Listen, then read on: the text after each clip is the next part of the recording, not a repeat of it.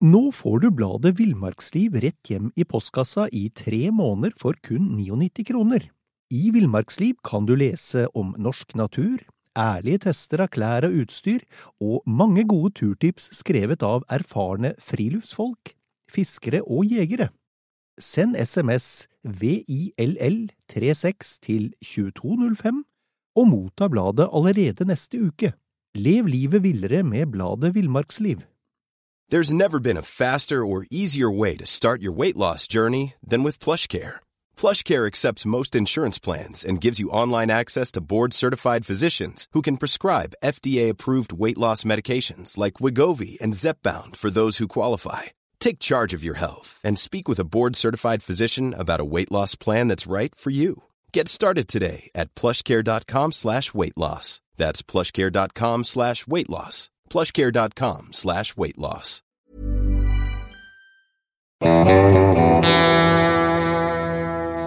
Velkommen til podkasten Villmarksliv. Mitt navn er Knut Brevik, og jeg er redaktør i bladene Villmarksliv, Jakt og Alt om fiske. Eh, I dag skal vi snakke om, eh, om ettersøk, jaktettersøk. Eh, Dag Bakka, du er, du er utdanna viltmester. Du har jakta usedvanlig mye. Det har gått mye jaktettersøk. Og du har dessuten vært med å lage kurset Ettersøk og Ettersøk videregående i regi av Skogbrukets kursinstitutt. Ettersøk, skarskytinger, det, det er noe av det aller, aller verste. Og da tror jeg jeg snakker på vegne av alle jegere, som som vi opplever. Eh, skal vi starte å snakke om hvorfor det blir skarskytinger? Ja, det er jo et, eh, det er et godt spørsmål, det, da. Altså, vi skal jo jakte jegermessig, og da skal jo vilt ha en sjanse osv. Så, videre, så det skal ikke slaktes. Men det er innbefatter jo at det kan jo bli skarskyting. Da.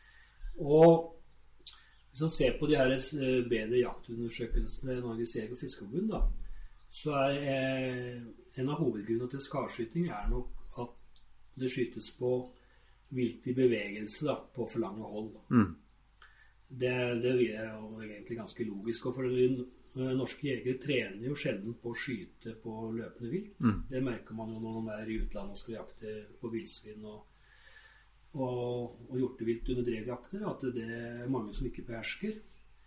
Og ergo så viser den, de undersøkelsene her at jo fortere viltet løper på lengre avstand, så blir det jo og større sjanse er det for en skarskyting. Og Det ser en også på jaktformene. Sånn som på rådyr. Så Smygjakt på rådyr ga jo mye mindre skarskyting enn når du jager med hund. da. Mm. Mm. Eh, og samtidig så kan du si Da det var diskusjon om det skulle være tillatt med nattjakt da, på hjort, Mm. eh, så skulle jo det for Noen mente da at det burde forbys pga. faren for skarskyting. Men så viser det at det var jo mye større skarskytinger når de drev, drev jakt oppi lia. Ja. Satte viltet i bevegelse sjøl om det var midt på dagen. Da Mm. Da kom skarskyting i mye større grad enn enn, eh, når hjorten var på innmark. Da Altså Mm. da, set- da sitter du på et sted, du har jo som regel anlegg i et tårn eller oppe i låven eller sånt noe. Så da er det egentlig bare mørket som er utfordringen, og der er det jo da tekniske hjelpemidler som kan, som kan eh, redde deg der. Og, du har ikke det stresset på deg, du har god tid, du kan se og osv. Det er egentlig ganske logisk. og det, er, det var òg noe som førte til at nattjakta ble jo da videreført. da. Mm. Mm. Og nå i dag så ser vi jo at eh, det er ingen som kan Ingen som tror at de klarer å skyte nå snart 50 000 hjort uten å skyte dem på natta på innmark. Nei. Nei. Et, um, et punkt eller en, en sånt forhold som, som uh, det har blitt stadig større oppmerksomhet rundt uh, når det gjelder skarskyting, det er det som har kommet med, med smarttelefoner og, og høreklokker og sånn. Det her med at folk ikke har en hele og fulle oppmerksomheten på, på jakta. Ja, det er helt riktig. Og det er, eh, det er en, eh, en dansk ettersøksjeger som det har brukt og vært på ettersøk en god del med. Og i Danmark er de veldig åpne når de rapporterer inn om ettersøk. Og han hadde fjor høst så hadde han to gjester som sa at rett og slett at de, ble, de hadde sett og sett i mobiltelefonen. Og plutselig så var viltet der, og så gikk det gærent. Det er det sikkert mange som har opplevd, men det er jo ikke så mange som vil innrømme det. Da. Så han har forbudt eh, Når han er jaktleder, så er det ikke for lov å ha med seg mobiltelefon. Det må leveres inn, akkurat som på skolen. Såpass? Ja, og, og det, akkurat det tror jeg er eh, en viktig faktor. Altså, vi bruker jo mye nå skjermbasert eh, peiler osv. Og, så og som noen sikkert sitter og kjeder seg på post osv. Men det er, det er nok en, en helt klart en faktor. altså At du er uoppmerksom. Du sitter der, og så kommer situasjonen, og så blir du stressa. Ja. Og, det er, og den stresset er jo ikke bare at du er uoppmerksom, men det er også det stresset med at du veit ikke hvor lenge viltet eksponerer seg. da. Eh, og det er klart at det, det skal jo pumpe litt òg, da. Eh, men du skal jo beherske det. Og det er klart Vi ser jo det når vi skyter, treningsskyter på banen, da, når det er viltfigurer som ikke veit hvor lenge står oppe. Nettopp så skyter folk dårligere mm.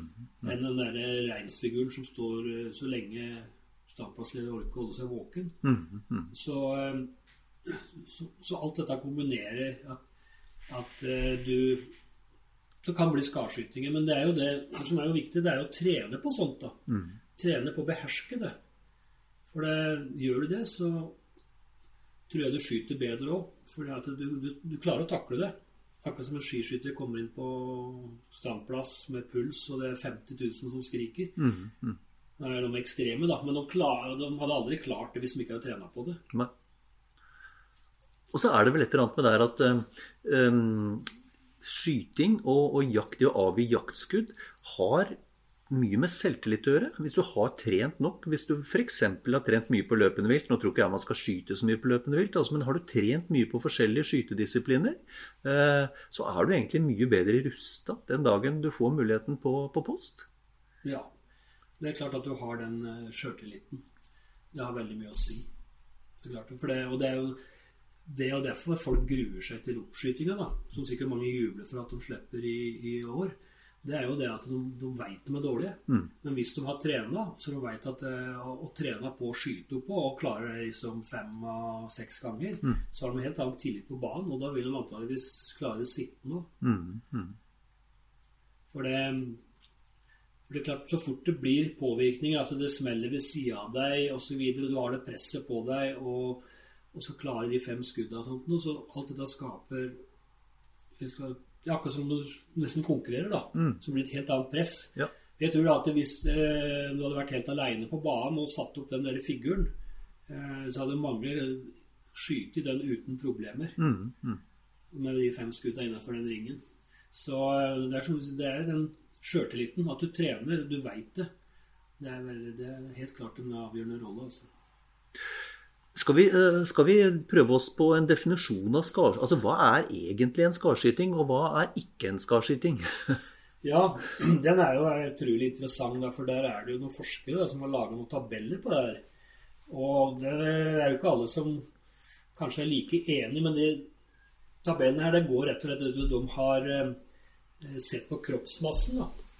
og så har de, eh, har de da konkludert med hvor langt et dyr liksom skal kunne løpe da, hvis du har skutt gjennom begge lungene. Ja, ja. F.eks. en voksen elg han kan maksimalt tilbakelegge 300 meter etter et skudd som penetrerer begge lungene. Og så har de skalert ned. da. Så vi har fått noen tabeller. Og det er jo, det er jo greit. Man kan jo si det at, eh, at en uh, halvannetårig elg da, som har en levende kroppsmasse på 300 kg, da, man skal jo ikke springe noe særlig over 300 meter da, før det er en såkalt skavskyting, ifølge den tabellen. da. Mm, mm. Men hvis du er, skyter eksempel litt skrått, da, så du skyter en halvannetåring som kanskje er, kommer springende da, med en hund etter seg, så skyter du den da bake del av en, en lunge, mm. og kanskje ut i magen da, i verste fall. Men så kan den springe mye mer enn 300 meter, men allikevel ligge død. da. Mm.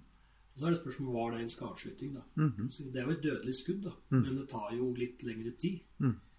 Og vi vet jo det at uh, hvis du skyter bare ene lunga, så kan den andre fungere. Og skyter liksom bare i kanten av lungene, så kan den jo springe ganske langt. Mm.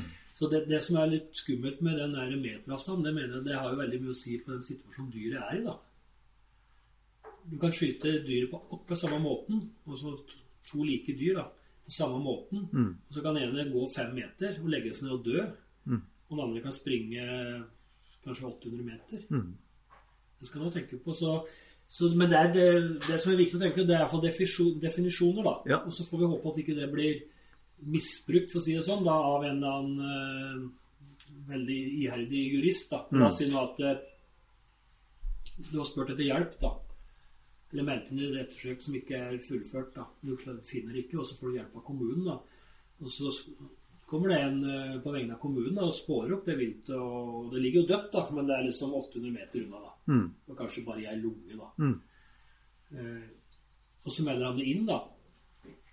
Og så blir det, ja, det blir definert som en skarskyting. Så blir det da forfulgt da, etterpå. Altså blir skytteren forfulgt.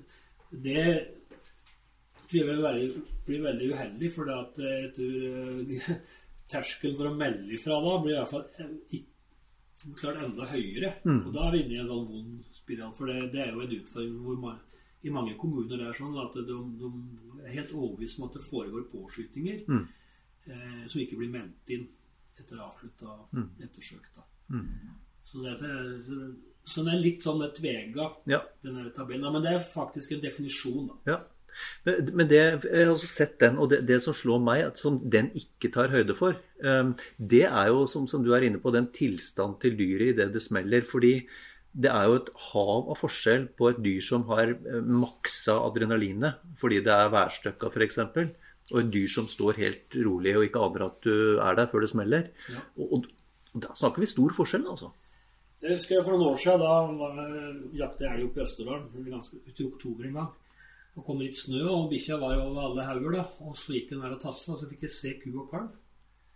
Og så smøg hun på. Jeg Hadde vel en 100 meter og skøyt og klarte å treffe den. Jeg så ikke hvor jeg traff, da, men jeg så kalven ble bare borte, så jeg bare jeg satte meg ned og venta litt. da. Og så etter en stund så gikk jeg bort dit, og da det var lett å se på snøen hvor skuddplassen var. da, Den hadde gått da en sånn under ti meter. Og treffer mellomgulvet, midt i mellomgulvet. Det var ikke mye å skryte av, men død var han. Så var det to dager etterpå, så var jeg i Jämtland. Og fikk los på ku og kalv. Veldig urolig. Eh, For hit og dit, og så kom de i ganglos etter en stund, og da kom kalven først. Han var tydeligvis ville av gårde, da. Dro kua med seg. Så skyter jeg den. Eller skyter på den, og den forsvinner, og så blir det los bare sånn 70 meter unna, da. Så Regmen ligger der, da. Men, og så løsner det, og da drar- viser det at hun drar med, med kua, da. Og så melder det fra på radioen at jaktlynet at jeg skyter på en kalv der Regmen ligger. Og at, eh, for jeg så kua dro alene, da. Så går jeg bortpå der, og det er flere minutter etterpå. Da lever kalven, og den skyter gjennom begge lungene. Men altså, klart, jeg har ikke knust bogen, da, for det er jo bak bogbladet. da. Ja. Men høy, liksom høyt oppi Begge lungene gjennomskyter med samme kaliber, samme kule som den der som takkeren fikk til mellomgulvet, som ikke gikk mer enn ti meter. Eh, Så det er klart at Derfor er det veldig vanskelig å, å definere. Men det kan i hvert fall si at tilstand til viltet har jo veldig mye å si. Det er helt klart. Og så kan vi vel egentlig bare fastslå at det her ehm, Det at etter et godt skudd så kan dyret gå både 100 og 150 meter, og så ligger det dødt der. Og selv, om vi må, selv om vi må fram med en hund etter hvert, så, så det er altså ikke en skadeskyting. Nei, jeg, jeg mener at det ikke er det. Altså Så lenge det ligger dødt innafor sånn rimelig avstand, så mener jeg at det er ikke en skadeskyting.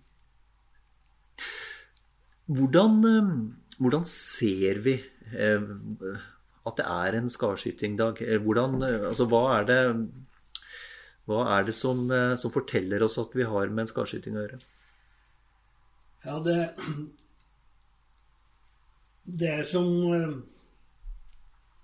eh, Hvis viltet forsvinner da, etter påskyting, og du har en mistanke om at det forsvinner ganske langt, da, eh, i hvert fall utafor synsvidde, så, så må den jo da Det er da skuddplassen som avgjør Eller ikke avgjør, da, men som er første pekepinn. Altså.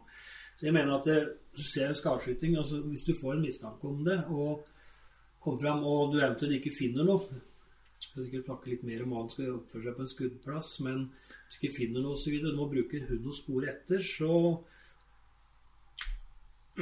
så kan jo definere kanskje, eller man mener at det er en, eh, er en skadeskyting. Men det som igjen, hvis vi skal gå sånn juridisk, da, Mm.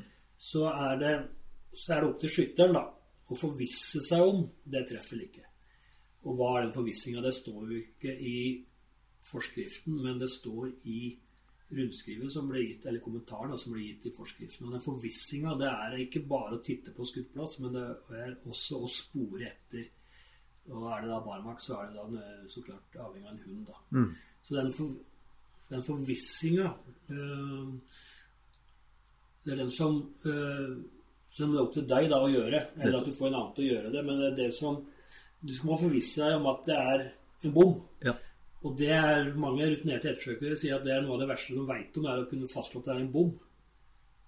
Eh, At du finner ikke noe, da. Nei. Og så. Men forvissinga er at da må du spore etter. Mm. For det er ikke sikkert du finner noe som helst, men det, det kan jo være et eh, treff for det. Altså, men ikke noe gjennomskyting. Altså ligger dyret en bit unna. Mm. Mm. Så det er eh, Det er altså Det er vår plikt, da, som du sier, som, eh, som uh, jeger. da, og den som har sky, det er For det er den som har skutt på viltet, som har det juridiske ansvaret. Men det vi har sett nå i flere saker, med manglende rapportering og dårlig utført ettersøk, da, så har jaktlederen blitt straffa på lik linje med skytteren. Akkurat. Og så har resten av jaktlaget fått noe mindre bøter. Men det går veldig mye på manglende rapportering. Da. For det er ikke forbudt å gjøre et dårlig ettersøk. Det er jo en skam. Men det er ikke forbudt. Men det er forbudt å ikke rapportere inn. Ja. Det har flere folk blitt dømt på. Mitt inntrykk er også at de fleste av oss har en idé om hvordan skuddet var. Eh, I hvert fall, i hvert fall hvis man ikke er helt nybegynner, så har du en slags oppfatning av hvor du traff. Og i hvert fall om det var et godt eller dårlig skudd. Hva tenker du om det? Jo, det, men det var Det er jeg helt enig i, altså, men, eh, men eh, Jeg kommer fram til en skytter som står der, så, så jeg blir kanskje enda mer skeptisk hvis han er for sikker, enn om man sier at eh, jeg veit ikke. Jeg følte at det var greit, men at du sier at nei, dette sitter.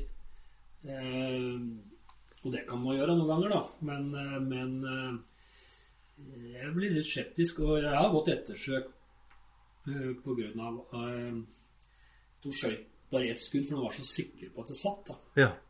Og det har jeg gjort sjøl òg. Var sikker på at det satt, og så, så Det viser da at når jeg skjøt andre gang, så var det bare et hull i det, og det var det andre skuddet. Akkurat. Så det har jeg opplevd sjøl. Den, så den der sjølsikkerheten kan, kan tenke litt på. Og den har en tendens til å blomstre når eh, det har gått veldig bra. da. Hvis du har hatt veldig framgang, og skyting har gått bra, og, og, og så videre, så kan, kan du fort eh, havne i det at du blir rett og slett litt, kanskje litt slurvete. da. Ja. For ingenting galt kan skje med deg. Ja, for du er, du er liksom oppå der, da. Ja. Og høyt oppe, og dette er, nei, dette er greit, og så videre. Og så, ja, her kommer nummer ti, og så ingen problem. Og, så er, og den sjølsikkerheten da, da, som gjør at ja, det, er, du skal bare få tid til å gå og dø, du, så er det greit. Og så, ja, så tasser du dit, og så finner du ingenting, Nei. og så videre. Og så tilkaller du en ettersøksjeger, og så begynner du å spåre, og så lurer på hva du har drevet med. Og det har vi spåra liksom en kilometer, vi finner absolutt ingenting, da. Nei. Så Men jeg er helt enig i at du Du bør øh, bør nok få en oppfatning. Og jeg tror nå med Så har det nok blitt litt lettere å konstatere treff pga. lyddempere. For det første kan du jo høre anslaget hvis, ja, hvis det er litt unna med andre. Og at du får ikke den like stor munningsvipp. Så det er lettere nesten å se. Vi har sett på Når jeg har hatt jaktgjester da, og hatt med meg hørselvern, som omsider vi begynte å bruke, da, i hvert fall når de ble elektro elektroniske, så satt jeg med håndkikkert og så på viltet når de skøyt. Og da var det Stort sett så klarte jeg å se innslaget. Særlig når det var blaute i pensen. Og det var veldig greit, for da liksom, satt det der det skulle, da, så fikk jo det bare lov å stikke i veien. da. Satt det ikke der det skulle, så bare fikk de beskjed om å skyte litt mer. da. Ja. Men, men Dag, nå, la oss nå sette oss i, i skytters sted her. Du, du har altså løsna et skudd på en elg eller hjort eller, eller rådyr, for den saks skyld. og Du har mistanke om at det er et dårlig skudd. Hva gjør du da? Det er det første du må gjøre hvis du hvis, du jak, hvis det er flere som jakter, da, et lag, så må du jo melde ifra da, slik at jakta stoppes på annet vilt. Det er jo lovbestemt. da. Du har ikke lov å jakte på annet. da. Ja, For den er absolutt. Ja, den er absolutt. Det har du ikke lov til. eh, Den er litt særnorsk, men det, sånn er det nå, da. Ja. Og så tror jeg òg at eh, du må, så godt det lar seg gjøre, så prøv også å roe deg litt sånn ned, men vær obs på viltet kan dukke opp igjen. Eh, Det er ingen vits å springe, prøve å springe det fatt, for er det døende, så klarer du det. Men hvis det er bare lettere såra, så er det ikke det mennesket født som klarer å springe i fatt et lett såra mitt. Så det er bare å bli, bli på stedet. da, altså Prøv å roe det roe litt ned. Og så ikke, ikke stress. Du må F- gå følge med? Ja, følg med for all del, for det, det kan jo dukke opp igjen. Eh, og det Og så tror jeg at eh, eh, hvis du sitter på en merka post, så er det greit, for det er jo der du satt. da. Men hvis, så, hvis du har skutt på noe fra et sted hvor liksom ikke er merka, da, så er det veldig uh, lurt å merke det stedet. Ja. Så du finner at, for det er klart, når du går derifra, og det er barmark, da, så er det ikke bestandig like lett å, å finne tilbake. Og jeg har sett på fjellet så har jeg vært med og gjort ettersøk, ikke bare på villrein, men også på ryggsekken til skytteren, som han gikk ifra. da. Jeg å finne den igjennom, da. Ehm, og, og så er det spørsmålet da hvor- mye du skal titte på skuddplassen, da. Og det, der, kommer nok litt sånn rutine inn nå, og, tror jeg, fordi eh, Hvis du veit hva du skal se etter, og, og sånt, så kan du gå og titte litt sånn forsiktig, og du har kanskje en følelse at det her, eh, dette bør gå greit. altså du, Det sto stille, du hadde anlegg, ikke sant? det var kort hold. Så dette bør egentlig være greit. Så kan du titte litt, så videre. Men det som ikke er bra, det er hvis han begynner å tråkke rundt. Det er sånn, også dra blod utover og, og greier. Altså En rutinert ettersøkshund fikser det. Men eh, det skal ikke være så veldig urutinert på si, før det begynner å bli litt sosete. da.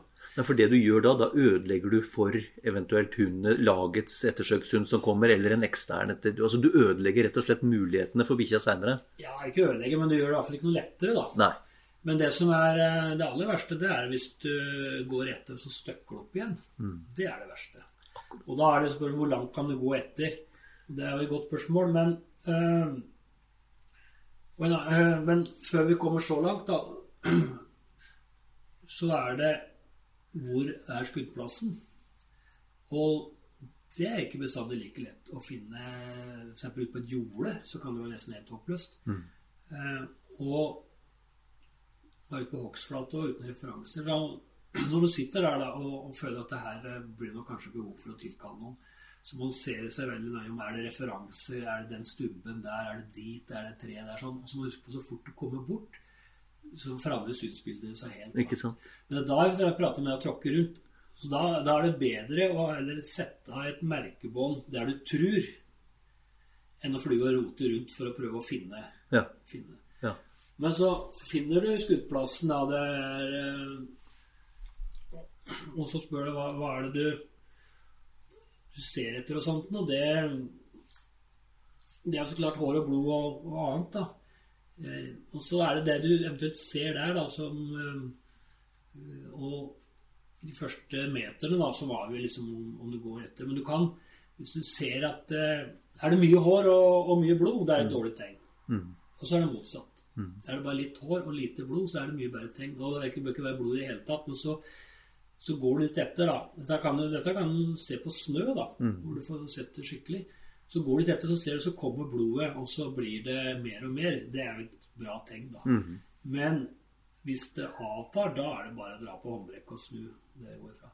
Og så er det også viktig, det tror jeg, at eh, når du da går etter spor, så må du være forsiktig og ikke fly og skravle i telefon og greier, for det viltet kan ha gått og lagt seg rett borti, bortafor. Og da går støkler det opp, og så drar det. Og da mobiliserer det. Eh, og så er det den klassiske er jo det er mye bedre å gå for lite etter enn for mye, da. Men så føler man kanskje at eh, at man drar i gang et voldsomt apparat, da, ikke sant? Og så her ligger sikkert borti her, osv. Men eh, jeg tror at at det må være Er du aleine, så er det opp til deg sjøl, men er det et jaktlag, så må det være høyde for det jaktlaget at det er det den minste tvil, mm.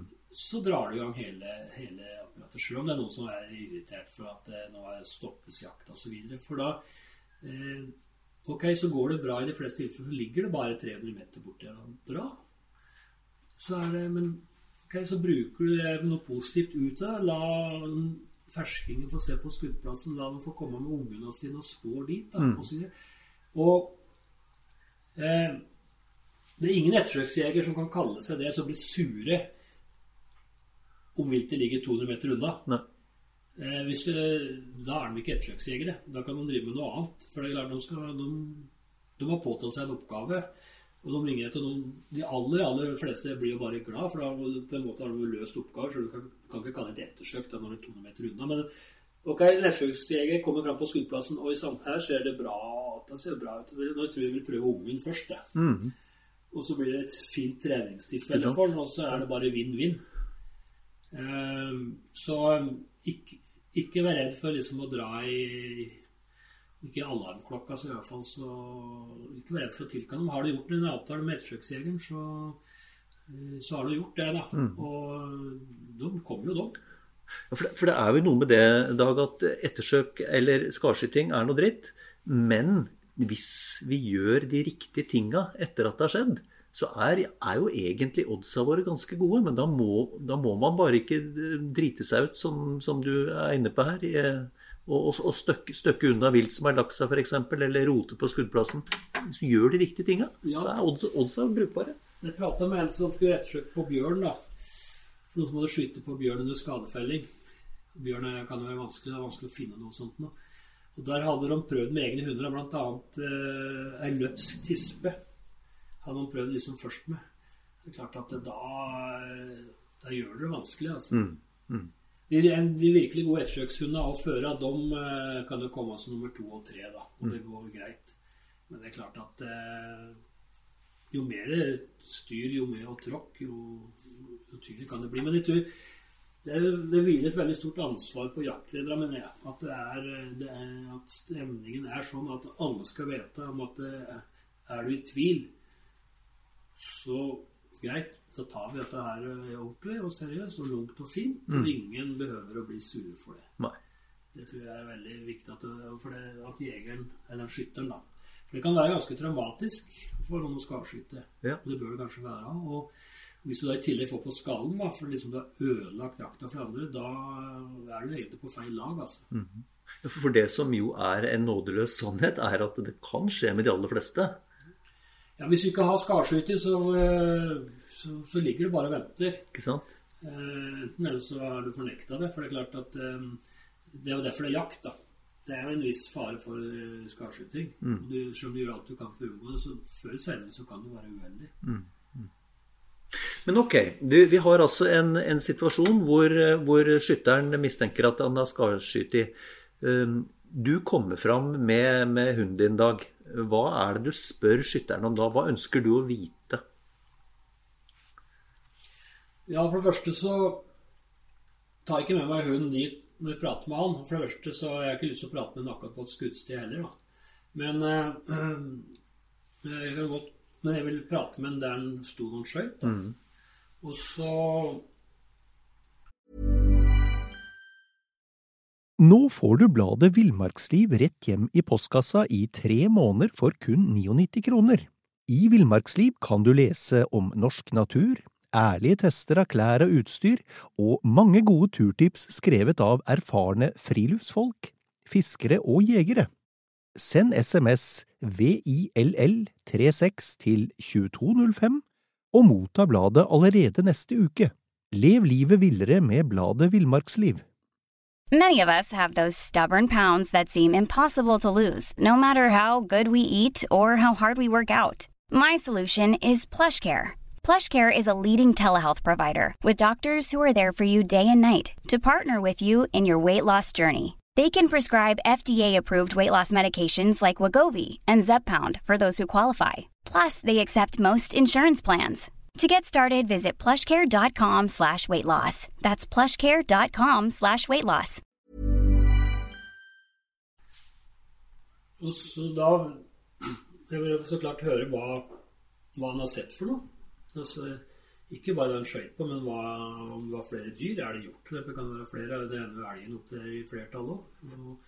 Eh, og rett og slett eh, hva, ja, hva er det han skyter på? Og, og har det vært nede Har han sett noe så videre? Det her med, med skuddetegn videre, det tar ikke så veldig tungt. For det kan være vanskelig å se, og noen er veldig sikre. Men det er klart at det, hvis han, hvis han sier at ja, det kom ut uh, ku og kalv, da.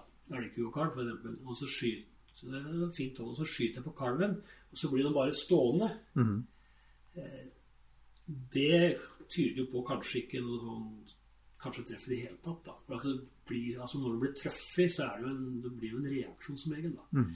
Men eh, jeg har vært med på motsatt òg. Men i alle fall, Så du kan jo høre med dem. Og, og så spør du så klart, må du prøve da å finne ut av hva er det du skyter på. da. Og så eh, I dag så har vi jo mange arter som kan være lovlige på samme post, ikke sant? Mm. både hjorteviltarter og det kan være rovvilt òg, for den saks skyld, og villsvin. Mm.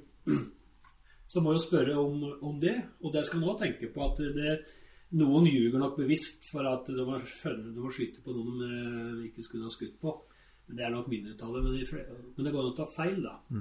Du har eh, lyse framkanten av øra på en elgku som da blir en piggvoks, og, og så helt ubevisst. Og det kan være Noen dyr kan oppfattes som store. Det kan være en stor elgvoks, og så er det Vanligvis vil ikke ha det på veggen engang. ikke sant? Så, men man må jo høre på å få ut så mye, mye informasjon som mulig. Og, og også det her, for det, det som er interessant hvis det er flere dyr i følge, så må man alltid være bevisst på det med gjennomskyting og sånt. da. Ja. Det er flere dyr som kan ha vært truffet. Ja. Det ser vi på når vi på, går ettersøk på de store drevjaktene. Og de skyter på mindre vilt, da, sånn som dåhjort og sånt. Og så er det så fort gjennomskudd. Og jeg har jo funnet en dyr da, som skytteren sier at den har aldri skutt på, det tror jeg de må. Men de skjøt på et avt dyr. Og så har de ikke sett at det var noe bak. Nei, nei. Så det er liksom eh, Det spør jeg om, så klart. Og så, så kan du spørre hva, hva, hva han tror, da. Mhm. Nå snakker vi mye hanner, men det er faktisk ofte hanner som skallskyter, mer enn hunder. Men det er flere mannlige jegere, da. Og så er det vesentlig sto det stille, var det i fart? Eh, som sagt, litt reaksjon. Eh, Har det vært nede og opp igjen? Eh, luska det av gårde? Var det full fart på det? Stoppa det og så seg tilbake, f.eks.? Ble det med flokken? Det har jeg jo sett på, på villrein. Hvis en skal gjette seg på villrein, for det har vi jo gjort med hund nå. Er det truffet, så veldig ofte så skiller det seg ut av flokken. Fjellet kan jo se dem ganske langt. Og det høy, huet høyt og så videre, løp det på alle fire. Det kan være vanskelig. Altså en frambeinskutt hjort eller rådyr, de blir Etter bare noen meter så kan du nesten ikke se det, altså. Nei. Ehm, og så ja. Så er det så klart hvor det, hvor det drog en, da, så, men det skal nå ta med mange klyper salt, for det gjør folk jo litt feil. Og sist, men ikke minst, hva du skøyt med?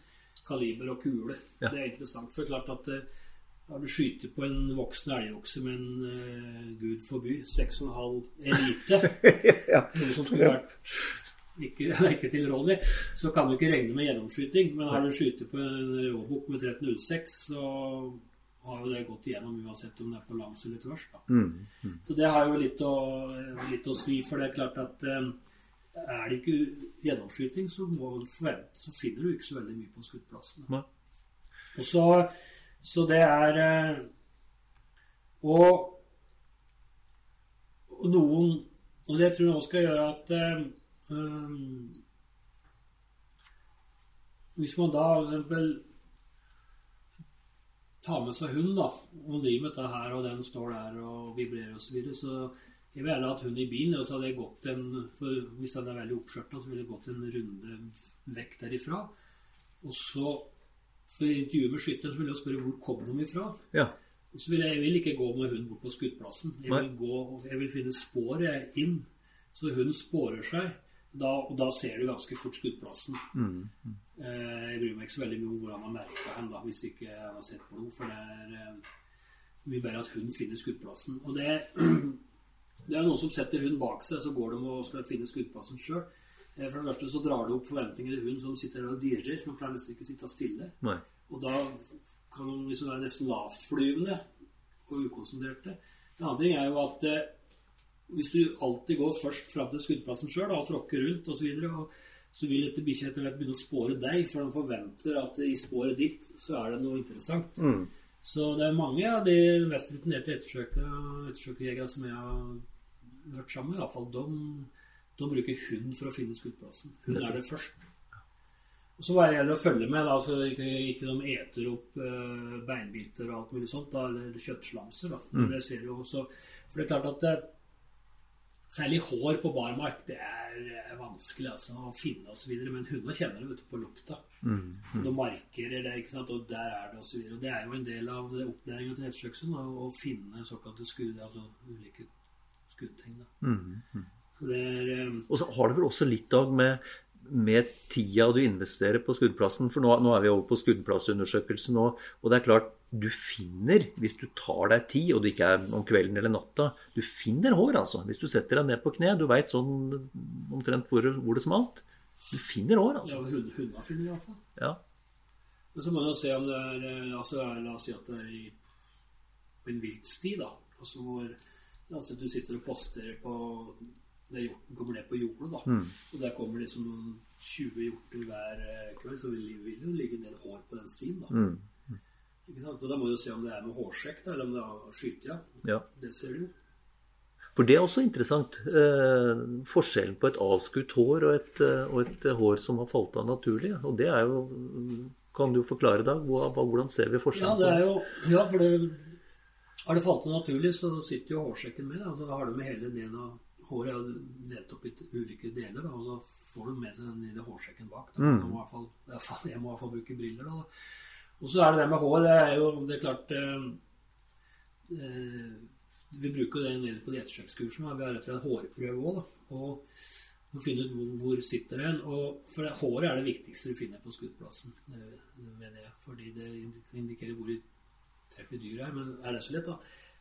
Det er ikke bestandig like lett, men det som er litt lurt, er at en lager seg en hårbok da, som en har tatt i ulike deler av dyret. og Så samler en så klart den finner på skuddplassen. Og de gangene du finner dyret og har fasiten, mm. så putter du jo det i egen plastlomme. da. Her var det liksom måneskudd elgku i oktober. Smart. Det er klart, for det er jo stor forskjell på håret. Altså en råbok i 10. august og en råbok i desember er jo mm. to ulike pelser. da, mm. Ulike hår. Men sånn hårbok er veldig, veldig greit. og det er For det, det, viser hvor treffet er, og det har veldig mye å si. da. Ja. Det er utrolig hva du klarer å lese ut fra de håra. da. Mm. Så sånn hårbok anbefaler Det er lett å lage. Det er bare når du har skutt et vilt, så, så napper du hår fra de ulike stedene og så putter inn Har du en dyrefigur, ikke sant, så bare krysser av det. Der er hals, der er ja. Gud forby kjeve, osv. Mm. Og sånt. Mm. Så det er eh, Men det er jo sånt som eh, man går gjennom på sånne kurs, da, som alle ettersøksjegere bør ta. da. Ja. Og det er veldig mange som, som gjør det, da. Så også hår øh, og, og, blod. Hva Det har i, det har mange år versert det her diskusjonen om, om blod lys kontra mørkt, ulike altså, Hva tenker du om, om, om blod, hva kan, og hva kan man lede ut av blod? Nei, altså Blodet er eh, Fargen på blodet er ikke alle som syns er like interessant. da. Av de som har drevet mye. For det er klart at eh, når blodet kommer ut fra hjertet, så er det jo oksygenrikt. da. Det er ganske lyst. da, så Det kan være ganske langt ifra hjerte-lunge-regionen og enda være lyst. da. Mm. Eh, og det kan være blære i blod som er fra halsen osv. Mm. Men det er klart det, det, det kan jo være leversmak på, eller vomsmak på blod, da. Hvis du smaker på det, og da Så det er jo visse indikasjoner. Men det som er, det er jo, så klart også er det jo tegn på at det er å trøffe i kroppen da, når det er dyret. Men eh, det er jo det som er like interessant. Det er å kan det være den, om mengden varierer, altså om det blir mer, mer eller mindre. Eh, og så kan det, jo, det kan jo blø ganske mye uten at det behøver å være et så alvorlig treff heller. da. Man kan bli litt lurt av det. Og så kan det bli ingenting. Du har eh, dyr med, med fett da, og pels. Sånn, bjørn og villsvin er jo ekstremt der. da. Altså, det er jo, det har du jo, de er jo feite ofte da, når du skyter på dem. Eh, det tetter fort til der. Og så har du liksom underhulla som er nesten som en vømmersjakke. Plugges igjen, nesten. som suges opp, da. Og så har du pelsen utapå der igjen. Så der behøver du ikke å finne noe som helst. Og så er det likevel så er det en helt grei, greit skudd, da. Eh, det som er interessant å finne, det er jo beinbiter, da. Eh, Der eh, liksom, er det et rørbein, altså er det fra eh, frambein eller bakbein, da. Eller er det, er det Og rørbein, hva, tenker, hva mener du Ja, da? da er det jo hult, da, med marg i. Nettopp. Eh, og så Og det er jo litt sånn lurt Hvis du finner det på skuddplassen, så ta vare på det. Og så finner du dyret, så har du en fasit. Og så Ja, dette satt det. Det er, det er satt i frambeinet. Ja. Er det eksempel sidebein eller kjeve, så er det jo da Det er jo ikke da hult, ikke sant? Da er det jo mer brusk i det. Så bein er interessant. Eh, hud uh, Er det et konturtreff, da? Ikke sant? Så, da- så da sitter det hud med Og får en sånn raspe, en sånn lang hudflikk. Det er jo et dårlig tegn, da. Da har det vært en ofte eh, skrens, kanskje. da. Det som er interessant, og som en rutinerte ettersøksjegere mener, at bruk god tid på skuddplassen. For hvis du bare går og titter litt der, da, og så, begynner du å spåre, og så finner du ikke dyret, da. Da går du i hvert fall tilbake og sjekker hvor er det egentlig den blir truffet igjen. Mange vil av gårde da, fort og liksom finne det osv., men uh, bruk litt tid. Det kan være lurt. Ja, for, for det er jo det naturlige, både for holdt jeg på å si, et, den som har skutt og ettersøksjøgeren, eh, vil raskt av gårde og få på en måte en slutt på det. Ja, og der, eh, der er det Der har jaktleder og et stort ansvar, altså, for det tilkaller sant, og hele laget står der og stamper i, og ettersøksjegeren går der og, tusler, ikke sant, og de får ikke gjort noe greier, og ja, vi ikke ha noen forposter eller noe som helst, og de blir surere og surere, ikke sant, da. Og det er klart at det, Og så begynner de å ringe da når du er ute der, ikke sant. Og ja, åssen går det? Og ja, vi står nå her, vi, da. Og da er vi en lir, og sånt noe. Og da, da må du jo ha litt eh, integritet som ettersøksjeger. Altså, du har tatt på et oppdrag, det er du som leder det nå. Eh, og si at nei, vi driver på, dere får bare avvente. Og, så, og, og, da er det jo jaktlederen igjen sant, og sier at eh, vi må bare avvente. Ja. Vi har vært uheldige. Skal dere, og vi har fått noen til å prøve å hjelpe oss. Ja. Da må noen få lov å slippe til. Men det er lettere sagt enn gjort. Så det krever et visst mot blant mange jaktledere. Så nå får drikke kaffe. Nå er det nesten ingen som røyker lenger, da, men så, så får de jo god tid til det. Um, når, eh, når vil det være riktig eh, av et jaktlag å kontakte en, en utenforstående ettersøksekvipasje? Ja, det er jo et godt Det kommer jo an på jaktleders mot, det, da. eh, for det er jo egentlig ikke noe å le av, fordi eh, det der å be om hjelp sitter jo langt inne for mange, da. Eh, men eh, nå heter det at en av grunnene til at det er liksom så mange utdannede ekvipasjer i Norge, er liksom at ettersøkshund er alltid med. Men det er jo, han er jo med, da, men han kan jo være pokkervoll uten å få tak i den, da. Og den duger jo ikke, da. Så du kan si at eh, når du har Hvis du ikke har en egen ettersøkshund, noe de aller fleste ikke har, så ville jeg gjort en avtale med en ettersøksekvipasje, uansett om du har to godkjente på laget ditt. Prate med på forhånd, som en, og en da, som du da gjør, og gjør en avtale med tillegg, og så, og så fort Jeg ville ringt så fort så jeg hadde mistanke. Eh, For å forberede dem og si at ja, vi har en påskyting her, vi er ikke helt sikre, vi vil gjerne sjekke litt mer. Eller vil du komme med en gang? Så sier han at nei, ikke sjekk noe, jeg kommer, jeg har tid, osv. Så, så, så da vil jeg bare fått dem i så fort som mulig, og så er det overlatt eh, med intervjuet som med skytteren osv. Ja. Eh, så det bør egentlig ikke sitte så langt inne, men det gjør det jo, da. For det er for mange Og så For en del de prøver jo først sjøl, med egne ressurser. Mm. Så ringer de eventuelt, da. Og da er det jo så klart en litt vanskelig oppgave for den ettersøksjegeren. Så de vil jo gjerne komme med en gang, da. Mm, Så ring med, ring med en gang, og, for da kjenner du litt åssen det ligger. Kan hende de driver med ettersøk for noen andre, og så kan ikke komme med, med samme heller. Og så er det et, et fenomen jeg har lagt merke til ved flere anledninger. Etter en påskyting, og man, gjør, man prøver, er det gjerne resultatløst. Og så begynner diskusjonen med en gang. Ja, kanskje vi skal, eh, kanskje vi skal friskmelde det? Kanskje det var en rein bom? Og jo lengre tid det tar, dess, dess sterkere blir kravet, gjerne fra vedkommende som har løsna skudd, om at dette nok var en dette nok var en friskmelding. Dette var en ren bom.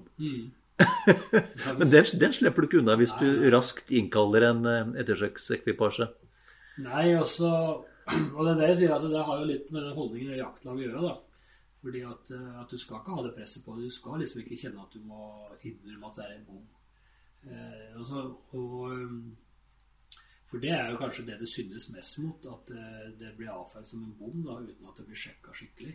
Og det ligger jo tonnevis av kjøtt ute og råtner, det er én ting, men det verste er da dyrets eventuelle lidelse. Da, bare fordi at eh, du føler press på at de skal komme i gang med ny jakt. Da. Kanskje skarskyte en ny en, i verste fall. Så, så um, jeg kjenner til det der. Men eh, det er jo derfor man må, må betrakte det som eh, treff inntil motsatt er bevist. Og det er jo som sagt noe av det vanskeligste de rutinerte ettersøksjegerne vet om, det er å erklære bom. Ja. Den sitter langt inne, altså. Og siden sammenlignet med Danmark, det er interessant med Danmark, det er jo det at eh, de har, en, de har fått til en kultur der. Eh, For det første har de et nærmest et elitekorps av ettersøksjegere. Altså, det er ikke hver mann sin hund. Eh, Det er det ene, og andre så har de en veldig lav terskel for å ringe. Eh, Som er beundringsverdig. Altså, de, eh, og Ettersøksjegere får ikke betalt. De dekker ofte litt kjøring og litt sånt. Da. Kanskje de får en bayer eller noe annet. Men, men og det viser seg det at de ringer jo sjøl om de, er ganske sikre på at det er bom, så ringer de. Og da viser statistikken at Jeg husker ikke ordet, men jeg lurer på om det er 40 av tilfellet. Eller hvordan trodde det var bom, så var det treff. Ja. Og mange ble funnet igjen, til og med døde. Og mange ble tatt på ettersøk. Det var utrolig mange altså, hvor skytteren mente det var bom. Ja. Og det, den, det bør vi ta til oss, altså. Ja. Eh, For det, det skal mye til før du kan erklære bom, altså. Ja. Så det er bedre å ta en telefon for mye enn en for lite, altså. Eller er bedre å gjøre en skikkelig undersøkelse. Og der kommer jo den der forvissinga om, da. Ikke sant? Altså, det, det, du har Du og jaktlaget har jo en plikt da, til å forvisse deg om det var treff eller bom. Nettopp. Ja. Og eh, den forvissinga, det er ikke å rote rundt på skuddplassen og så ikke finne noe og så såkalt friskmelde, da. Nei. Og dessuten så Det er jo helt hull i huet å friskmelde under et jaktettersøk, for du skal jo ha viltet. Det er jo bare egentlig under eh, trafikkpåkjørsler og, og sånt når du friskmelder. Hvorfor i all verden skal du friskmelde en påskutt elg, da? Altså, I hvert fall ikke samme dagen. Nei. Nei, men det er vel som skal du. Ja, det er vel som du både har sagt og skrevet før, Dag, at det er ikke noe, det er ikke noe skam å, å skarskyte. Det er eh, ikke noe skam å ringe til hjelp heller, men det er stor skam å ikke gjøre et forsøk. Ja. Men, det er klart at du har jo, men hvis du skal gå over grensa til et annet jaktfelt, så har jo det, har jo det, du, det juridiske Du skal jo bevise at dyret var truffet. da. Ja. Så det, det stopper seg der, da. Men altså innafor ditt hvis, du skyt, hvis det skytes på et dyr da, innafor det jaktområdet, så er det jo bare å spåre på det dyret eh, til du når det eventuelt går ut av terrenget. da. Nettopp. Ja. For da, om du får se det igjen, det, så skyt det, da. Du skal jo ha det. Forhåpentligvis så var det jo rett dyreslag som ble påskutt. Men Dag, en, en interessant diskusjon syns jeg, det er det her hvor lenge etter en det er, det er, Vi har konstatert nå at det er et skadeskutt dyr. Det gikk ikke så bra. Uh, har ikke funnet det igjen. Hvor lang tid venter vi før vi starter et ettersøk? Ja, det er jo et ubeskrivelig godt spørsmål. da. Hvor er, hvor det er litt sånn ulike oppfatninger. Eh, hvis hvis du, hvis du, er ganske sikker på at det sitter i kroppen, altså i brysthula eller, eller mage, bånd, eller sentralt i, eller i hvert fall i kroppen, da, så er det ingen vits å stresse. La den få dø i fred, da. Mm. Eh, da går det ikke så langt. Eh, og det er best for deg, i stedet for å stresse og jage det videre, så la den få dø i fred. Eh, hvis det sitter i bein, eller enda verre i huet, da, osv., så, videre, så, er det, så er det ikke noe fordel å vente. Altså det, blir liksom, det, går, det går nok ikke og legger seg. Men det kan godt hende det stopper ganske fort hvis det ikke er forført av en hund. da. Mm. Så hvis du er ute og skyter, og det halter derifra, og det ikke er noen hund etter så, det, Du kan jo vente, men uh, noen mener at du skal ha på en laushund med en gang. da. Men uh, det blir jo ikke, det blir jo ikke freskere med å vente, for å si det sånn, da. så har du det med mørket, da. Så sjøl om det er lov å bruke lys, så, så, er det lettere å gå ettersøk i lyset. Så er det litt sånn det begynner å, å mørkne på seg, så kan det jo være en linje å kanskje gå opp litt før en hadde gjort. Mm. Men noen ettersøksjegere går på ganske fort, og andre vil vente. Og noen vil vente til dagen etter òg. Mm. Mm. Og så sier jeg at jeg kommer ikke i konflikt med loven, da. Ikke nødvendigvis, for du skal prøve å finne, du skal finne det skadde dyr. Du avliver det så snart du kan. Men hvis det innbefatter at du må vente noen timer, mm så er det innafor. Mm. Men samtidig da, så har du det der med forfølgelsesretten osv. For lært at den varer ut døgnet. Så hvis dyr har kryssa terrenggrensen, da, så har du bare ut det døgnet. Nettopp. For da går ansvaret over til å være Ja, da er det kommunen, da. Men sånn som det er i dag, da, så er jo forfølgelsesretten bare ut døgnet som dyret kom inn mm. på et annet terreng. Mm. Så vil det si at det kommer inn klokka ti på formiddagen, da, så har du til klokka tolv. Ja. Ja. Altså midnatt, da. Eh, men har, har du krysset klokka elleve om kvelden, så har du bare en time. Nettopp. Og da, også, da, skal det jo meldes til rettighetshaver, eller Det kan være valgleder eller noen, også, eller oppsynet. Og så kommunen. Kommunen skal jo ha den meldingen. Mm.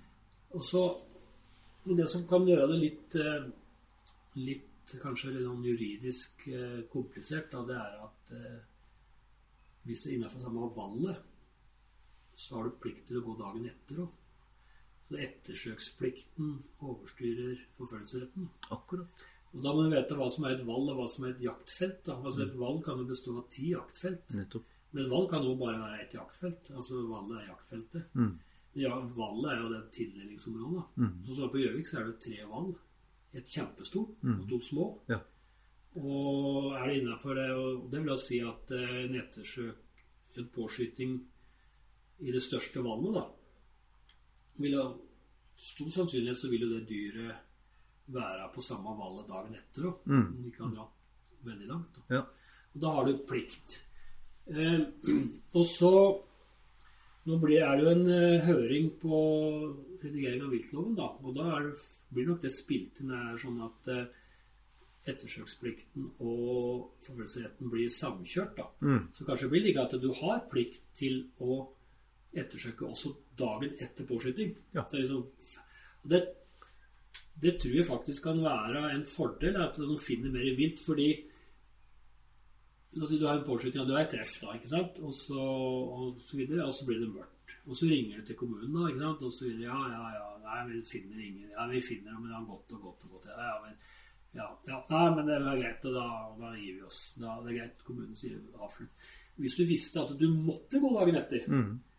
ok, så stopper du når det er mørkt, da. Sånt. Og så merker stedet.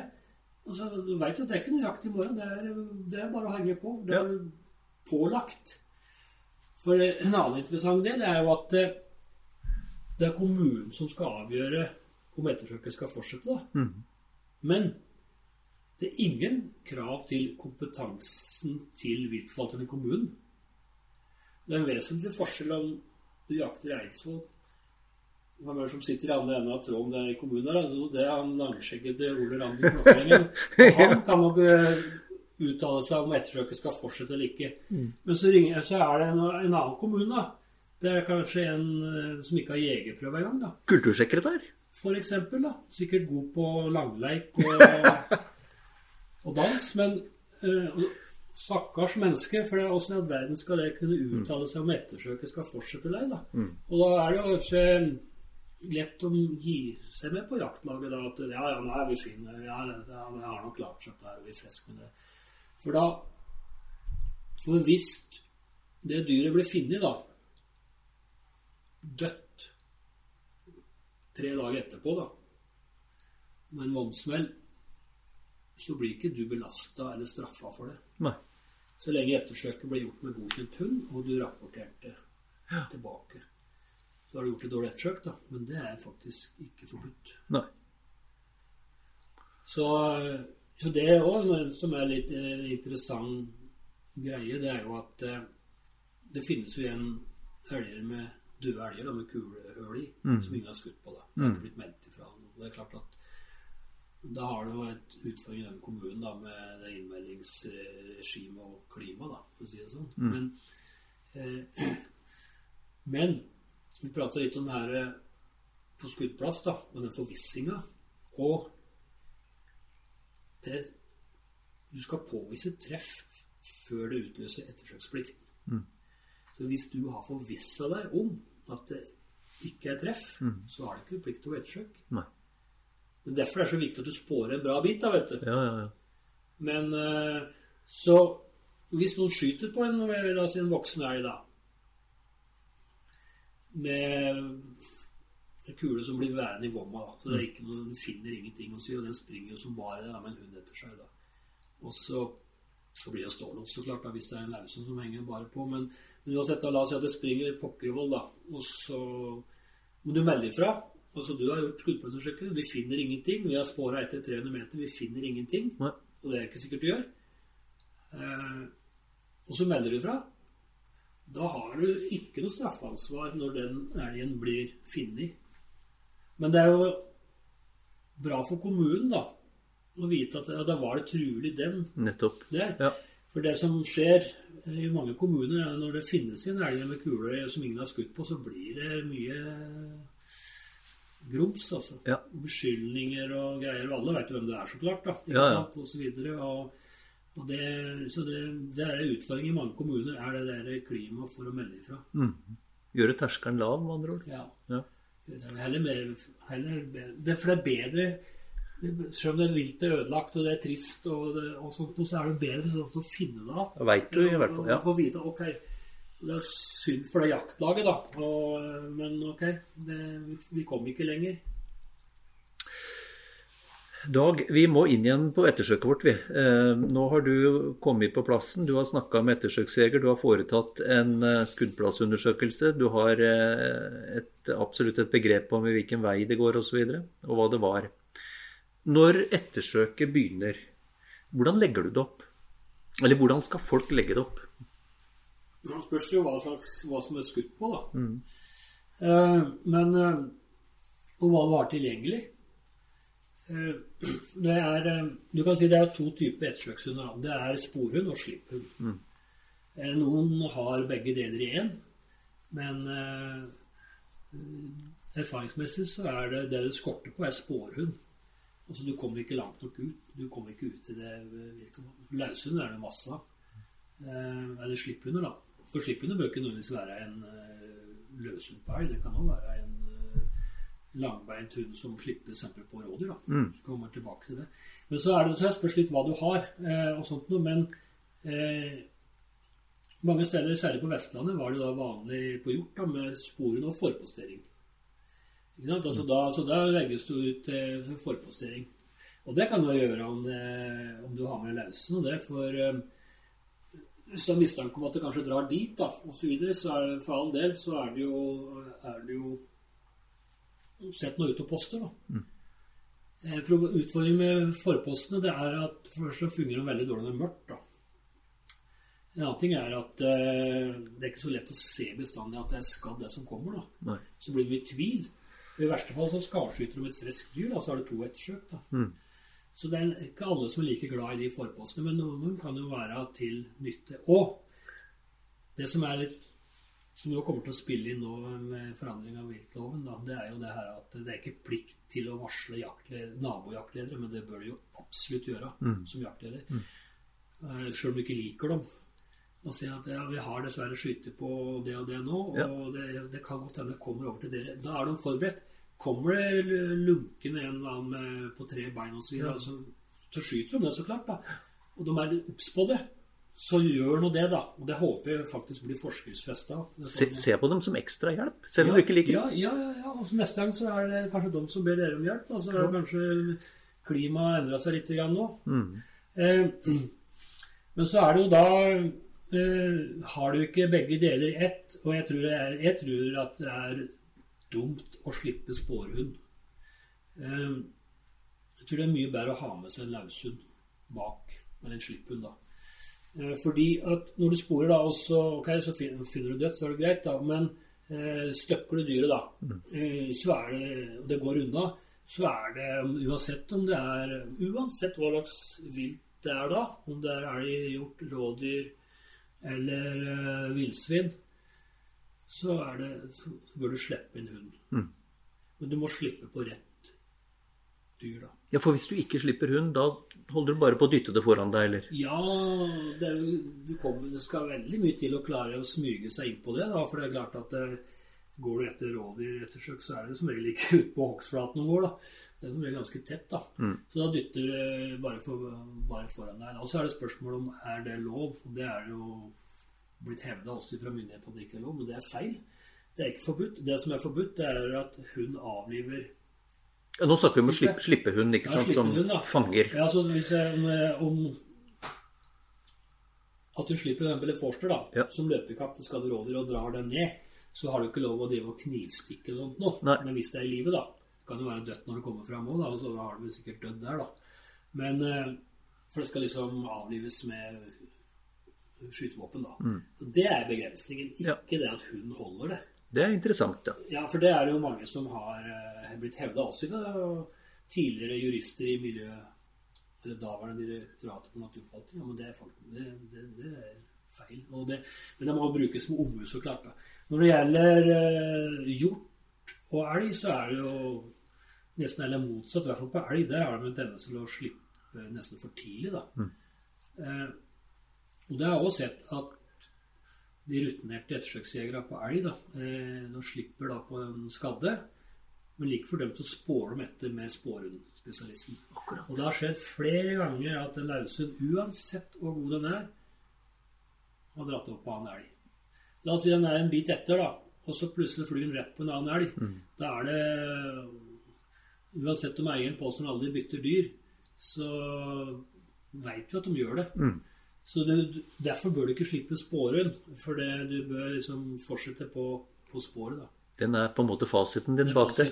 Ja. Også på, på, Vestlandet, på hjort, da, som, eh, der har du jo ikke det, så lang erfaring med ettersøk sånn som vi har hatt på elg. da. Altså De har jo litt ettersøk, men de har jo ikke samme erfaring med hund. da, Og der har det jo vært veldig dårlig, lite vanlig med, med løshunder da, på hjort. Men der det begynner å komme mer og mer at de slipper på hjorten nå. Mm. Altså slipper løshund. Og det, og så det blir stilt i stålås. Mm.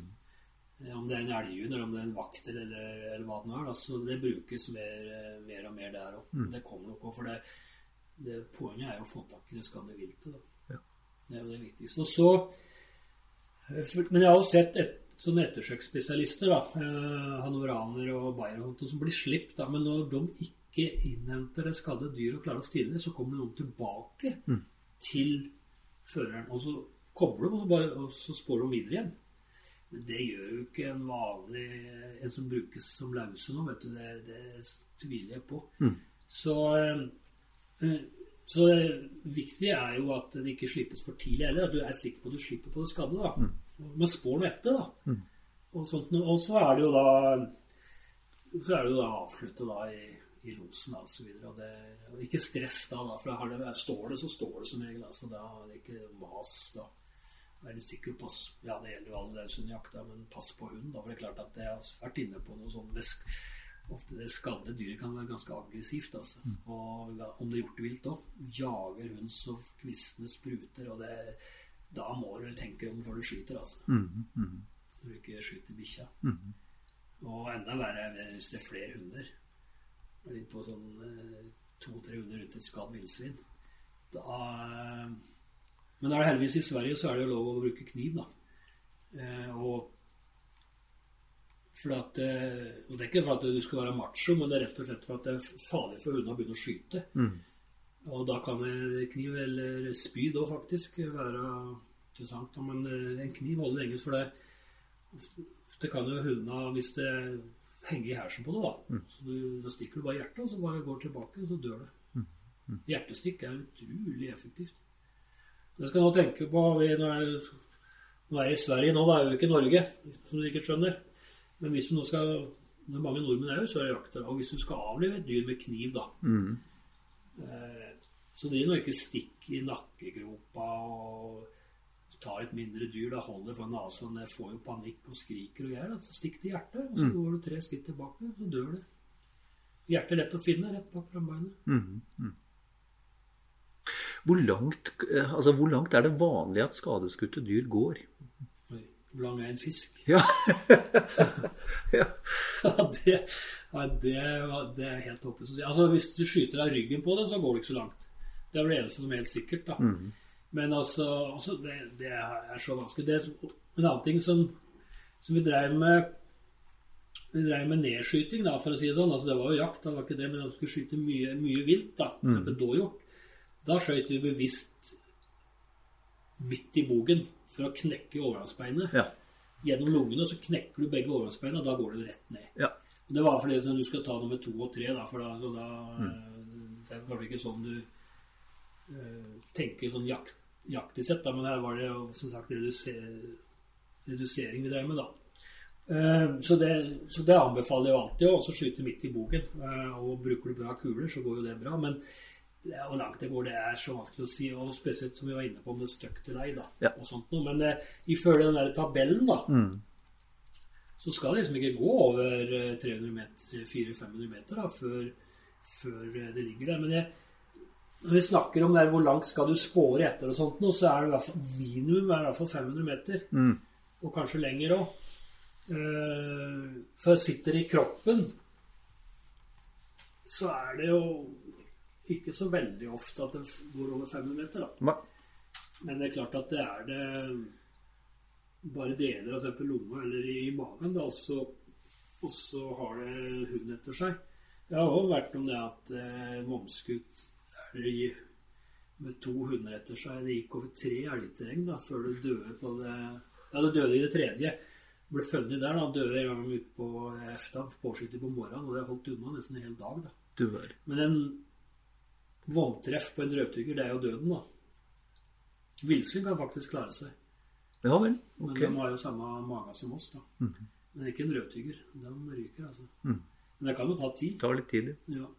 Så det er, det er treffet, treff og stress eh, og adrenalinet. Det er klart det opparbeider seg veldig adrenalin og, og sånt. Men det, går ikke, det får ikke sårfeber. Da. Det, altså, da går jo temperat- kroppstemperaturen opp. Når det går i såkalt sårleie, da, så sløves det. Da. Da blir, men du- får jo ikke feber. Men Det er derfor det er lurt å, å vente, da, ikke sant? for at la den få dø i fred. Da, er- det bør ikke gå så langt. Nei. Bare få lov å tusle av gårde og gjemme seg og ligge der, da. Så, eh, så det går ikke an å si noe sånn 100 regel at det er 150 meter maks for hjerte eller lungeskudd. Det går ikke an å si. Hvis vi skal oppsummere litt, Dag. Du har gått mye ettersøk, og du har snakka med mye folk som har gått mye ettersøk. Um, Hva er det, hva er det vanligste feila vi ofte gjør? Hva er det som er årsakene til at vi ikke lykkes med, med ettersøka våre? Vi gir opp for tidlig. Mm. Eh, du kommer ikke langt nok ut, da. Nei. Verken du eller hun klarer å komme langt nok ut, og så gir du deg for tidlig. Mm. Gir opp. Og så får du ikke tak i noen som er bedre enn deg. For det er Det er masse feil. Altså, du spør ikke om hjelp. Nei. Og skal du ha hjelp, så må du jo få tak i en som er bedre. Ja. Og det Der er vi er veldig dårlige i Norge. Ja, hvor mange virkelig gode ettersøksekvipasjer kan vi snakke om at vi har i Norge? Altså, vi, er, vi har jo registrert over 500 000 jegere. Der 70 000-80 000 som jakter storvilt hvert år. Altså hvor mange gode ettersøksekvipasjer har vi? Har 10 000 såkalt godkjente, da. Mm. Uh, nei, det er vanskelig. Det er klart det er jo noen, da, men uh, Ikke 10 000? nei, det er jo vanskelig. Nå er det, liksom, det er jo ikke 10 000 ettersøk i året, da, heldigvis. Uh, som de fleste går jo ikke igjen engang. Så Nei, så det er ikke mange. Det er jo Jeg spør så kritisk han skal være, da. Men det er klart Jeg tror nok du skal Du tror nok du skal få god plass på en vanlig buss. ja, fordi vi refererer jo til, ofte til Danmark og, der har noen, og, og Tyskland. Der er det jo nesten en profesjon. Og, og de, de, beste folka der går jo 300-400 og kanskje flere ettersøk i løpet av et år. Ja, altså 300-400-500 ettersøk. Ja, 500. Ja. Og det er ikke sånn Da går det altså Det blir ikke registrert ettersøk det når viltet ligger 300 meter dødt unna. Nettopp. Men de har det som proff, da. Ja. Er, men da er vi åpne noe annet. Men det, som, men det er alltid moro å, å, å se, det, se, liksom, se, til proffene. Altså, det er mye morsomt å være på treningsleir med Bjørn Dæhlie enn med en eller annen med bare gamle splitgun-ski. ja. Og, og kondomdress og ser ut som en hoggorm som har smurt en mus. Men uh, Så vi kommer jo ikke dit, da. Men, men uh, det er jo fordi vi i Norge har liksom valgt en litt annen strategi, da. Og det er liksom, som jeg sa, hvert lag sin hund, da. Mm. Og enmannsjaktene eh, jegere de har jo da ofte tilgang til en ettersøksring eller noe som er utbredt på Vestlandet. Eh, den strategien er bra på én måte. Og det er at man forhåpentligvis får litt fokus på det. Folk har tatt den prøva da, med en hund og gått, gått blodspor og ferskspor og kanskje har gått et kurs. Og, og så finner de da de aller fleste hunder, selv om de ikke har gått et spor, da, siden de var eh, åtte måneder, så vil de aller fleste finne et dyr som ligger innafor noen hundre meter. Ikke sant? Og det slik at det er bra det at det fins masse såkalte godkjente, godkjente, hunder rundt omkring, og finner de døde og døende. Men det det skorter på, det er, de er, det er ca. 5 da, som er trøffel som vi ikke finner av, av hva de har gjort. Da. Det vet vi jo statistisk sett. Og så er det trafikkettersøk som er mye verre. Mm. Og Derfor tror jeg at skal vi, komme, skal vi klare å ta de siste, og skal vi bli bedre for å ta de trafikkskadde da, og de påkjørte som ligger og lider, så, så mener jeg at eh, både kommunale ettersøksjegere og jaktlag må få muligheten til å kontakte noen som er gode. da. Mm. Og Da blir det à la Danmark, på en måte, altså et register. da kan jeg, Du kaller dem eliteettersøksjegere, eller hva du kaller dem. altså at eh, jeg mener at de bør jobbe på oppdrag for fylkeskommunen, som har jo ansvaret for hjorteviltforvaltninga, og, og, ha en form for en deltidsstilling da, for å holde osv. Det skal ikke koste jaktlagene noe, det skal ikke koste kommunen noe osv. For, da, for det første så skal du bli god, så må både du og bikkja være interessert, og så må du få gå mange ettersøk. Ja, for dette er ferskvare? Dette er ikke noe som Nei, nei, du må gå. Du må, du må opparbeide og Kanskje du må ha en to-tre hunder før du blir virkelig god. Mm. Og, så videre. og, og da må du brukes. Og når i hvert fall jaktlaga blir klar over at det finnes hjelp å få av noen som virkelig er gode, så kommer de til å ringe. Mm. For det eksempelets makt er stor, og hvis det er, menneskene finner noen, eh, så går ryktet, ikke sant? Mm. Og samme er det for den der eh, kommunale ettersøksjegeren som gjør så godt han kan. Da. Men han står jo der og veit det er et skadd dyr. Han kommer ikke lenger. Det er mørkt, og det regner. Og, og så står det der Skal vi liksom eh, Hva skal jeg gjøre? Skal jeg bare avslutte? Videre. At de da kan ringe og så sier ja, jeg kommer i morgen tidlig. Ja. Og så kommer de ut der, og så går det. For det verste så kanskje de finner dyret. Kanskje de slipper, og så kommer det dyret tilbake. Kommer hun tilbake. Og ok, så kan da får du et helt annet grunnlag for å kunne avslutte det ettersøket og si at nei, denne her har vi nå prøvd så mye på at denne tror vi ikke er så hardt skada. Mm. Eh, jeg tror ikke vi kommer lenger på ettersøk i Norge før vi har på plass noe sånt noe. En sånn semiprofesjonell Ja. Ja. Kall det hva du vil. Men altså, jeg mener for det, fordi at eh, dette må jo være spesielt interessert, ikke sant, som eh, ikke blir så veldig eh, nedfor når det blir ringt etter på julaften. For de har kjørt på noe. Og, som, og, det er, eh, og de må få den muligheten ikke sant, til å både kurse seg og komme sammen med ekspertisen, kan du si, da, og få utvikla sine hunder og sånt noe. Og det, så vi har jo prata mye om det, en del som er litt engasjert på ettersøk i, Norge. Da, og for all del, behold nå de der 10 000 eh, såkalte ekvipasjene. Og det er helt greit, det.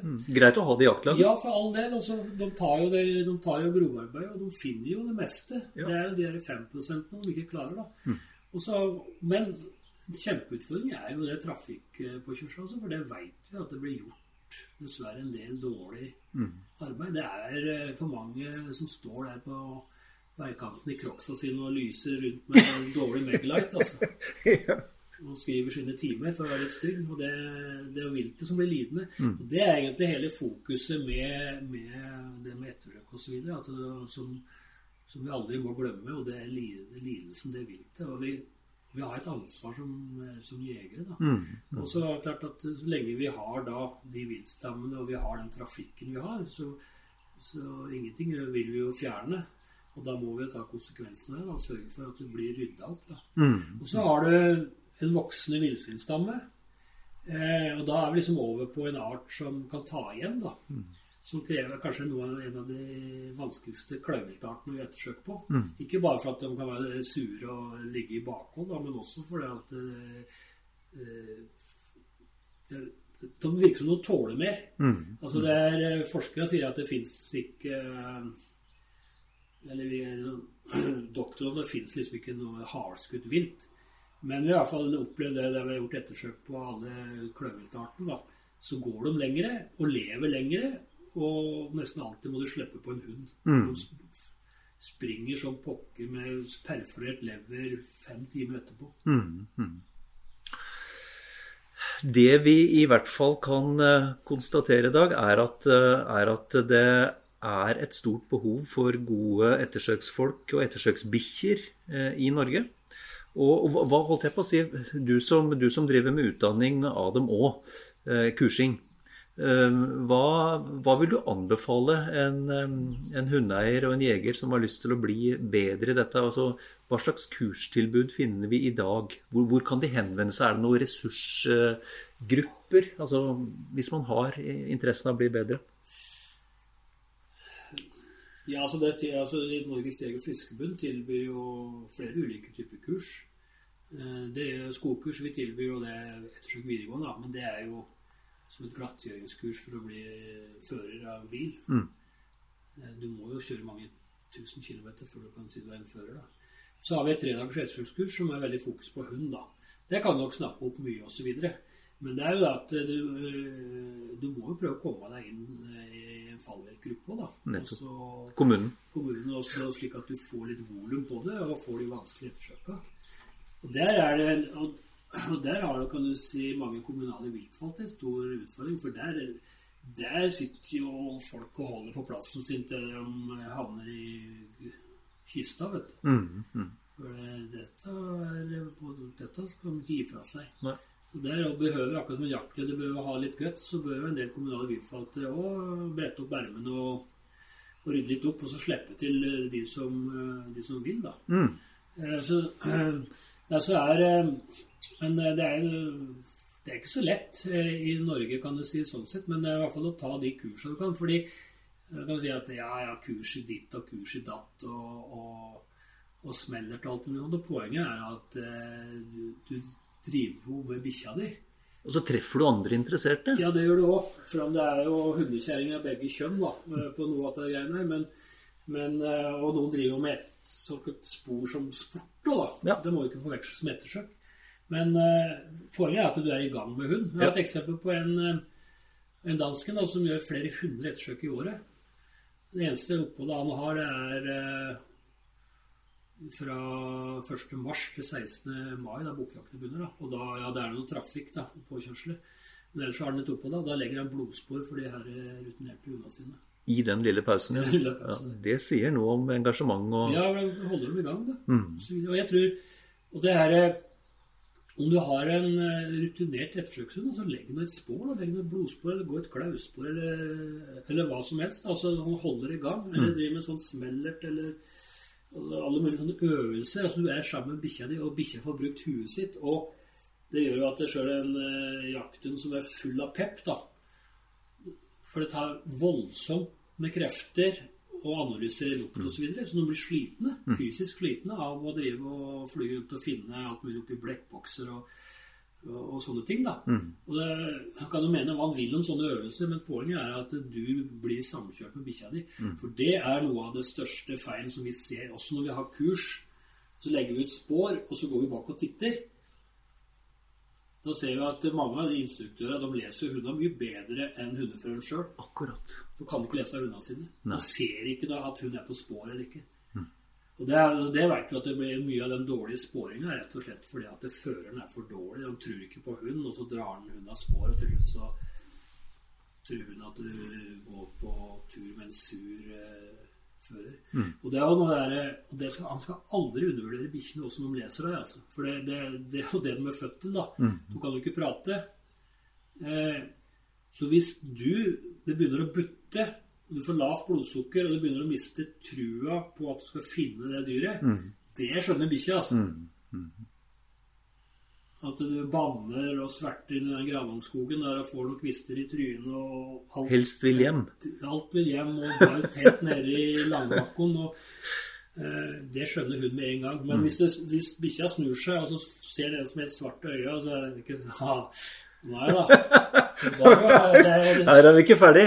Det Vibransåla er ikke utslitt ennå. Det er bare å gå. Og det skal jeg love deg, det skjønner de. Så at du har den at du stoler opp på hund, da. Ja. Eh, men det er klart du må jo korrigere eh, noen ganger. Og, eh, og de beste hundeførerne de er så ekstreme at de, de, ja, de leser andres hunder bedre enn hundeføreren sjøl. Det er mm. utrolig interessant å se. Mm. Og noen ganger så noen av dem jeg har vært med på Noen ganger har jeg lurt på om de helt tatt behøver en hund. Altså de, ja, ja, det er ganske fascinerende å se hvor langt du kan få. Da. Det er ikke moro å være med Eliten?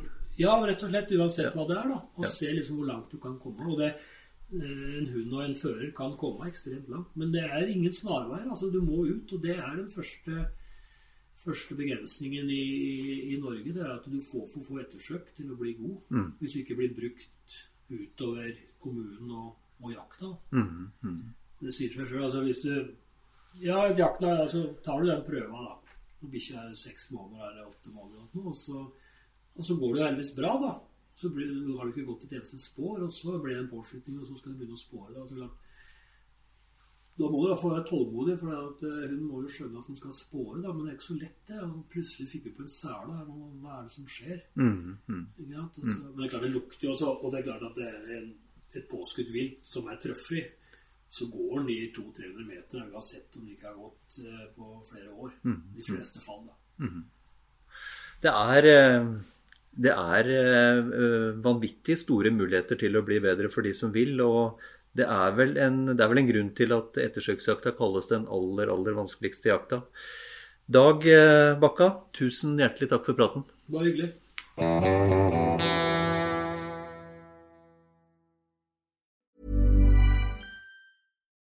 Nå får du bladet Villmarksliv rett hjem i postkassa i tre måneder for kun 99 kroner. I Villmarksliv kan du lese om norsk natur, ærlige tester av klær og utstyr, og mange gode turtips skrevet av erfarne friluftsfolk, fiskere og jegere. Send SMS VILL36 til 2205 og motta bladet allerede neste uke. Lev livet villere med bladet Villmarksliv. Imagine the softest sheets you've ever felt. Now imagine them getting even softer over time. That's what you'll feel with Bowl and Branch's organic cotton sheets. In a recent customer survey, 96% replied that Bowl and Branch sheets get softer with every wash. Start getting your best night's sleep in these sheets that get softer and softer for years to come. Try their sheets with a 30-night guarantee. Plus, get 15% off your first order at bowlandbranch.com. Code BUTTERY. Exclusions apply. See site for details. Mom deserves the best, and there's no better place to shop for Mother's Day than Whole Foods Market. They're your destination for unbeatable savings, from premium gifts to show-stopping flowers and irresistible desserts. Start by saving 33% with Prime on all body care and candles. Then get a 15-stem bunch of tulips for just $9.99 each with Prime. Round out Mom's menu with festive rosé, irresistible berry chantilly cake, and more special treats. Come celebrate Mother's Day at Whole Foods Market.